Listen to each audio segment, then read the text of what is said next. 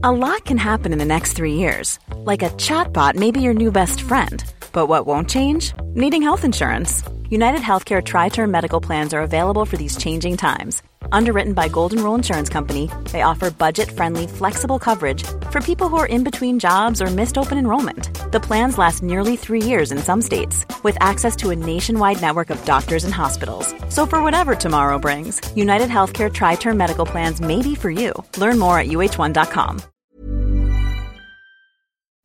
Hans Petter Co. presenteres av TrippelTex, det skybaserte økonomisystemet som gir store og små virksomheter full oversikt over økonomien.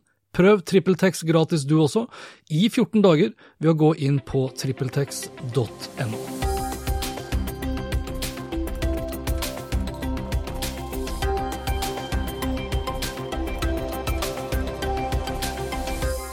I denne episoden her så skal vi komme litt inn på the good, the bad and the ugly i kundeopplevelser. Jeg har analysert de mest delte nyhetssidene i sosiale medier for juni. Apple vil ikke erstatte designeren over alle designere, Mr. eller Sir Johnny I for å være helt korrekt. USA ber Facebook å vente med å lansere Libra, og kommentarfeltet tar fyr selvfølgelig når Martine Lunde får penger fra Oslo kommune for klimaskryt. Velkommen til Hans Petter og co. Jeg heter Hans Petter, og denne episoden ble spilt inn onsdag 3. juli. Lenker til alt jeg snakket om, og øvrige innslag finner du som alltid på hanspetter.info. Jeg sa innledningsvis at jeg skulle ta for meg the good, the bad and the ugly i kundeopplevelser, for det er kundeopplevelser, eller kundereiser, det første innslaget her skal handle om. Men istedenfor å starte da med det beste og avslutte med det dårligste, altså starte med the good, fortsette med the bad og avslutte med the ugly, så, så gjør jeg heller motsatt, slik at vi avslutter med ja, en positiv tone, da. Og en god kundereise eller en god kundeopplevelse, det vil jeg påstå er ganske avgjørende for forholdet og lojaliteten til en merkevare. Og noen av dere husker kanskje Eirik Nordmann Hansen, som jeg hadde besøk av i poden her i episode 22. For da snakket vi om den gode kundeopplevelsen, og at bedrifter må bli besatt av den. Og derfor skal jeg ta for meg tre kundeopplevelser, tre som jeg har hatt selv. Og vi begynner da med the ugly, og den stygge, eller den ja, den verste kundeopplevelsen av de tre, den ble levert av Apple. For under to år siden så kjøpte jeg min siste Macbook, en Macbook Pro, og den kjøpte jeg direkte fra apple.no. Her i slutten av mai så begynte plutselig skjermen å blafre. Og jeg skjønte ikke hva det var eh, som hadde forårsaket det, og, hva som var årsaken, og hvordan jeg skulle løse det. Lang historie kort, skjermen blafra hvis jeg brukte den alene. Koblet jeg den til en monitor og, og så på begge skjermene, så blafra det ikke, osv. Så, videre, og så, videre. så jeg, jeg, registrerte da et case. Jeg snakket med Apple Support fra Irland i nesten to timer her på telefon, og de mente at det skyldes software, så vi formaterte harddisken og installerte operativsystemet på nytt, men det hjalp ikke. Så enden på visa ble at jeg leverte Macbooken inn til Elkjøp, som da er en autorisert Apple-forhandler, og det gjorde jeg da onsdag 29. mai. Elkjøp fikk også Apple Case-nummeret, sånn at de hadde liksom full historikk over den dialogen jeg hadde hatt da med Apple. Og fredag 31. mai så fikk jeg SMS fra Elkjøp om at den var på vei til deres serviceverksted, og 4. juni så fikk jeg ny beskjed om at Mac-en var mottatt. Og så ble det stille, og det ble stille da i to uker, jeg hørte ingenting. Så 18.6 tar jeg kontakt med Elkjøp via chatten deres og får beskjed da at de sliter med å få respons fra deres servicepartner som heter Infocare. Det er de som skal reparere Macbooken. Og Elkjøp lover da å purre og følge meg opp. 19.6, dagen etter, så ringer faktisk da Infocare og sier at de tar kontakt med meg fordi de ikke får noe tilbakemelding fra Elkjøp. Altså de vet hva feilen er, men de får ikke reparert den uten mitt kjøpsbevis. Altså min kvittering. Og den kvitteringen var jo elektronisk, den trodde jeg faktisk da jeg kunne hente, som jeg alltid har gjort, på apple.no. Jeg mistenker, og jeg spurte Apple også da jeg snakket med dem om det her skyldtes GDPR, og jeg fikk sånn halvveis ja-nei tilbake. Altså GDPR sier bl.a. at du ikke skal oppbevare informasjon og data om kundene lenger enn nødvendig. Nå vil jeg jo påstå da at så lenge produktet mitt er fortsatt under garantitid og under reklamasjonstid, så, så, burde du ikke fjerne den informasjonen. Det, det, foreligger et juridisk forhold mellom Apple og meg, og derfor er det helt idiotisk at den informasjonen er fjernet. Så da må jeg ringe da på nytt igjen til Apple. Jeg sitter da på T-banen, er på vei til et arrangement, og jeg får spørsmål om serienumre og mye frem... Serienummer har jeg ikke, så jeg oppgir da navnet mitt, adressen min, telefonnummer, diverse sikkerhetsspørsmål, eh, masse ventemusikk, jeg blir overført til noen andre, og før jeg vet ordet så har jeg kanskje prata i 20 minutter, og da har du funnet da fram til kvitteringen. Og Så får jeg beskjed om at jeg da må vente inntil 48 timer på at kvitteringen blir sendt til meg på e-post. To døgn til. Og da kom jeg heldigvis på da, at jeg har jo kvitteringen via regnskapet mitt. Så et raskt søk på e-accounting fra min mobil, så finner jeg jo kvitteringen, laster den ned på mobilen og sender den da over til Infocare. Og et par timer senere så får jeg en ny SMS fra Elkjøp om at verkstedet arbeider med min Macbook, og 21.6 da har jeg nesten vært uten arbeidsstasjonen min i fire uker. Så kan jeg plukke opp Macbooken min hos Elkjøp. Altså Apple med liksom slagordet 'simplicity is the ultimate sophistication', som Steve Jobs brukte å si. Altså, det er ikke hans ord opprinnelig, men det er jo det det handler om. Det handler om å gjøre det så enkelt, og det er det sofistikerte. God kundeservice er en god kundeopplevelse, og en god kundeopplevelse handler bl.a. om å gjøre opplevelsen enkel og smidig for kunden. En god start som kan flytte den elendige opplevelsen jeg hadde her, til i hvert fall noe bedre, det er kanskje da et case-nummer som følger saken fra A til Å hvor all informasjon knytta til det aktuelle produktet eller problemet er integrert uavhengig av hvilken servicepartner eller verksted som eh, man benytter seg av. Det hadde i hvert fall gjort det her fryktelig mye smidigere. Og Apple, som et teknologiselskap, skam dere for at jeg måtte bruke så vanvittig mye tid på telefon. Så var det da The Bad, og den går til Coop Extra på Majorstua. Altså Norges første døgnåpne og ubemanna matvarebutikk her til lands. Og grunnen til at den får the bad i seg, skyldes egentlig ikke brukeropplevelsen som sådan, selv om den var litt sånn krøkkete. Jeg tenkte jeg måtte jo teste det her. Når ting er liksom automatisert, og det, du, du, skal kunne bruke mobiltelefonen din til å låse opp døren og komme deg inn og skanne produkter osv., så, videre, så måtte jeg jo teste det. Så jeg lasta da ned Coop Key, en app som kun benyttes da som nøkkel. Det hadde vært kult om det hadde vært en felles Coop-app som også kunne blitt brukt til mye annet, og ikke bare som en nøkkel. Resten av kundereisen er som normalt. Også du, du går i butikken, plukker ut varer, tar varene ut av handlekurven, skanner dem, betaler og putter dem i en plastpose, og så bruker du Coop Key for å låse opp døren for å komme deg ut igjen. Og Det var for så vidt en grei opplevelse som jeg håper blir enda smoothere med tiden. Det sto ganske mange på utsiden og lurte på hvordan det fungerte, og syntes det var helt håpløst at man plutselig måtte ha en, en app for å kunne låse seg inn, men som jeg sa til dem, hvor mange andre butikker i Norge er det du kan gå til etter klokken 11? Vanlige butikker etter klokken 11. Dette er den eneste, så det er liksom ikke aber her. Det som førte til the bad-betegnelsen hva gjelder den kundeopplevelsen her, det handlet kanskje mest av alt om at opplevelsen ikke var ubemannet. Og det er her problemet kommer inn. For det var to sikkerhetsvakter her, og greit nok. Sikkerhetsvakter kan være greit sånn innledningsvis å ha, og de fulgte ekstremt nøye med. Og de var såpass tett på meg da jeg skulle skanne og betale, at jeg kunne lukte kroppslukten deres. Og den kroppslukten var så vanvittig dårlig at nesårene nærmest ble svidd, altså. Og det er jo sånn at alt har med kundeopplevelsen å gjøre.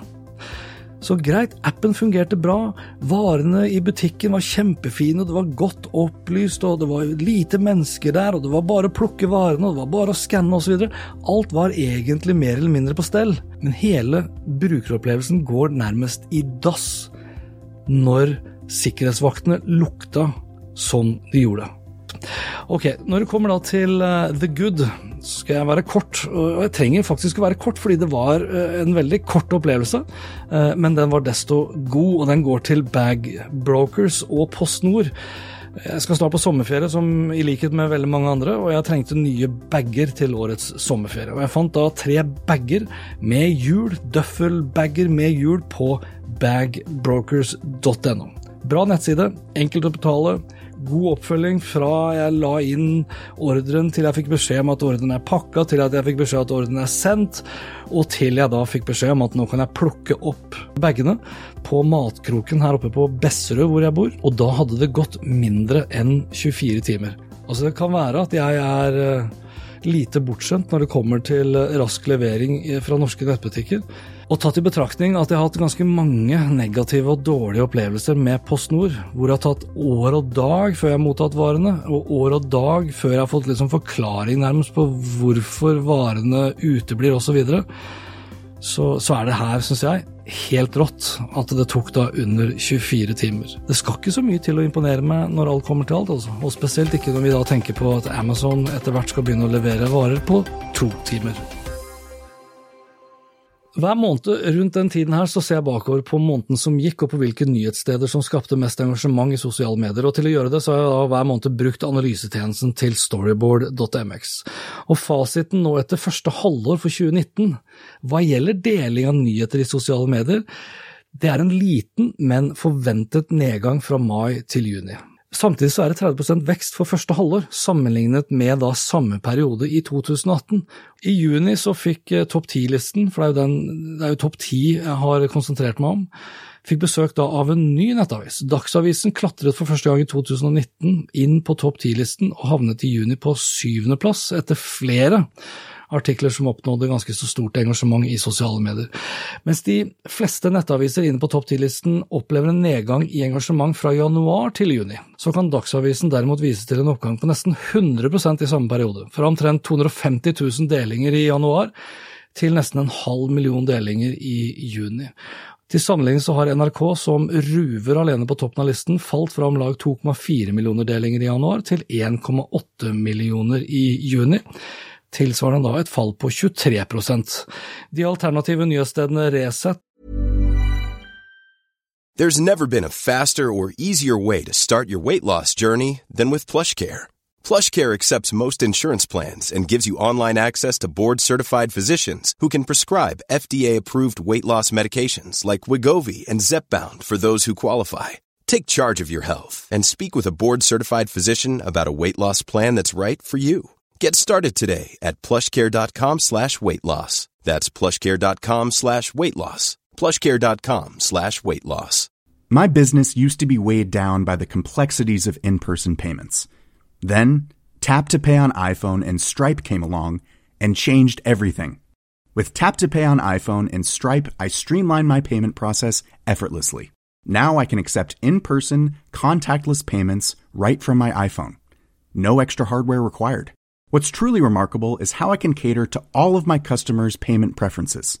Whether they're using cards, Apple Pay, or other digital wallets, Tap to Pay on iPhone and Stripe ensure a smooth checkout experience every time. And it's not just me. Stripe helps businesses of all sizes, from local markets to global retailers, scale quickly and stay agile. To learn how Tap to Pay on iPhone and Stripe can help grow your revenue and reach, visit stripe.com/tapiphone. og Newsner opplevde det største fallet med henholdsvis 36 og 41% nedgang. Og for ordens skyld, Storyboard definerer delte som kombinasjonen eller summen av likte, kommenterte og eller delte. I løpet av juni 2019 så delte vi nyheter via sosiale medier over 15 millioner ganger. Det er en vekst på 35% sammenlignet med juni 2018, men en nedgang på 6% fra mai 2019.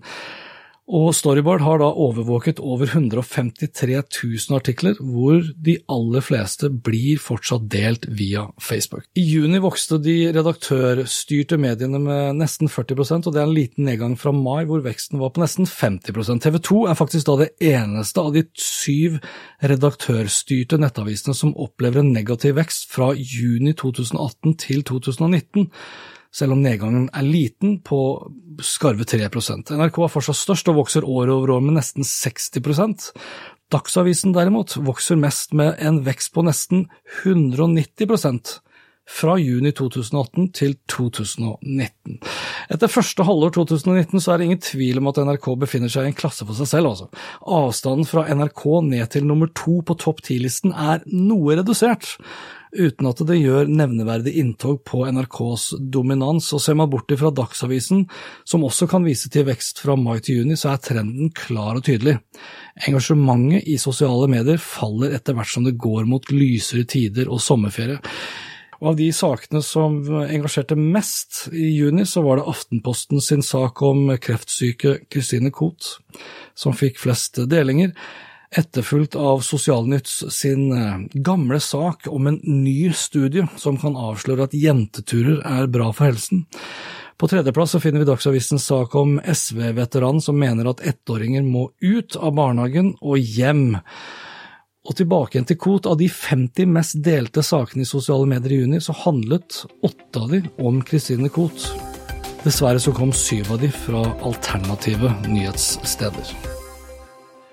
En av de virkelig store nyhetene, iallfall hvis man er litt opptatt av Apple, var at Johnny Ive, eller sir Johnny Ive, Apple sin sjefdesigner, nå vil forlate Apple.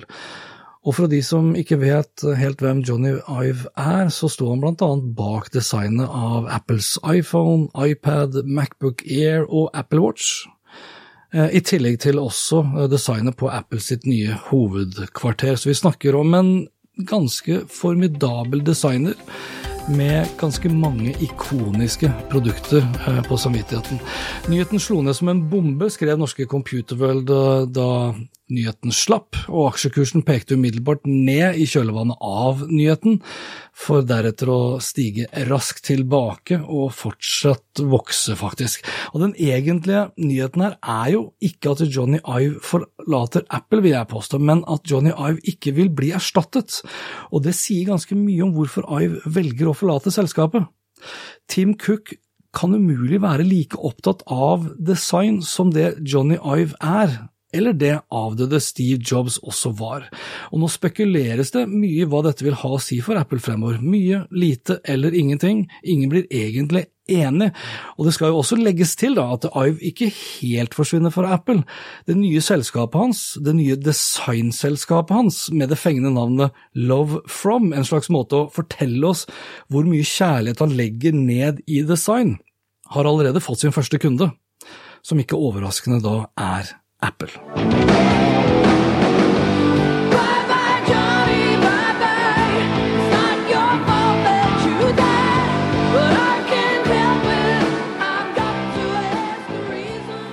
Runder av denne episoden med noen kjappe overskrifter, og vi begynner med Facebook. The Guardian skriver 3. juli at den amerikanske kongressen har bedt Facebook om å sette utviklingen av kryptovalutaen Libra på pause, inntil de får tid til å undersøke hvilke fordeler og ulemper det kan føre med seg, og hvilke eventuelle regulatoriske løsninger de kan vurdere å sette ut i liv.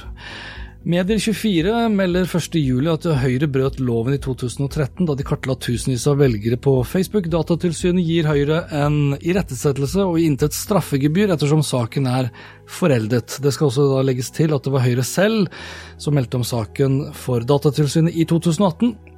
Dog da etter at eh, NRK kom med en eh, rekke avsløringer.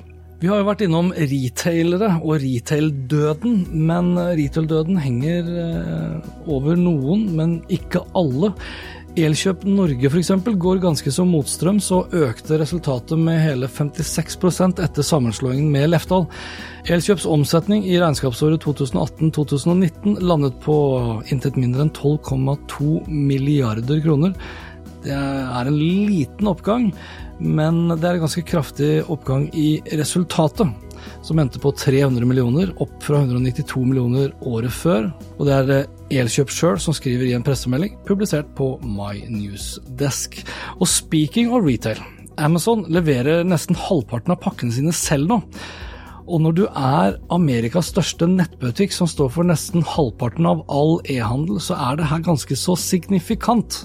Og det som kanskje er enda mer imponerende, eller skremmende alt ettersom hvordan du ser på det, er at andelen Amazon leverte selv for to år siden, kun var på 15% Da var det American Postal Service som sto for 60 og nå er denne andelen altså da kuttet ganske så radikalt. I 2018 så var omsetning for levering av pakker i USA på 106 milliarder dollar. En tredjedel av det var knyttet da til e-handel, tilsvarende et sted mellom 35 og 40 milliarder dollar. og Det er en andel som Amazon har begynt å spise av, og det veldig raskt.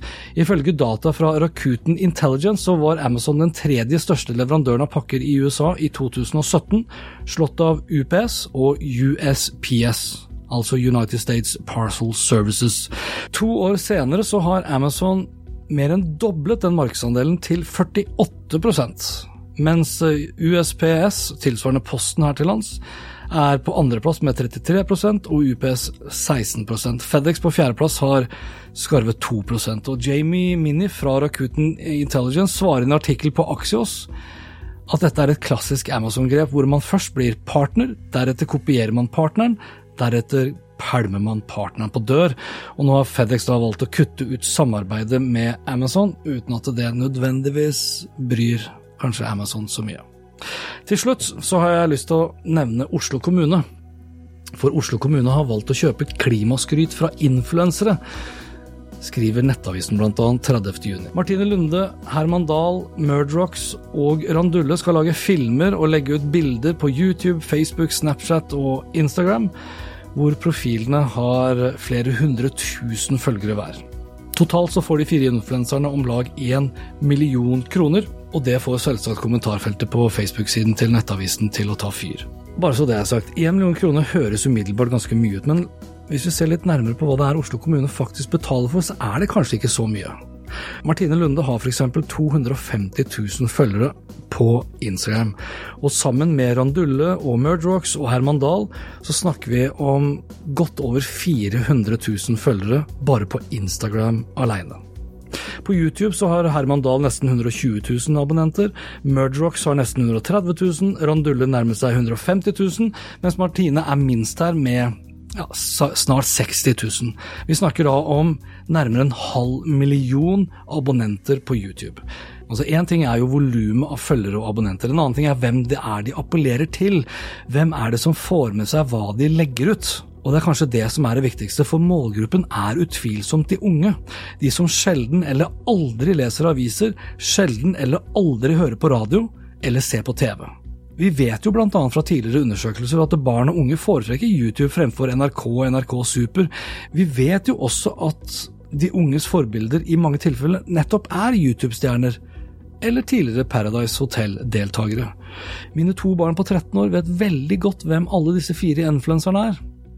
Jeg tror ikke like mange av de som fyrte seg opp i kommentarfeltet på Facebook-siden til Nettavisen, vet hvem disse er.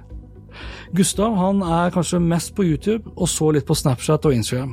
Hedvig er kanskje mest på Snap, deretter Instagram og så YouTube.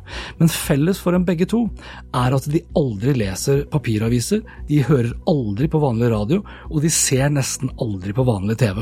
I juni så tror jeg ikke de så et eneste minutt på lineær TV-skjerm. Jeg er ganske sikker på at hensikten til Oslo kommune er å nå de unge. Og da er det helt riktig og helt på sin plass å forsøke å nå og påvirke de gjennom sosiale medier, og da gjennom influensere, og ikke som Oslo kommune.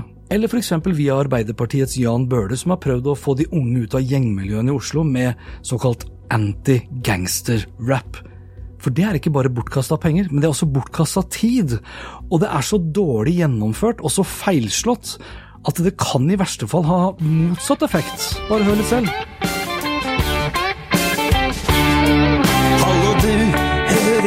Gangsterrapp. Er sinna og vill og gå med cap. Hva skjer du må hevne deg, men hvis du sverger til ære, går det bare én vei. Og dette var det for denne gang. Likte du det du hørte, og vil forsikre deg om at du får med deg de neste episodene, og ikke resten av Jan Bøhlers anti-gangster-rap-video.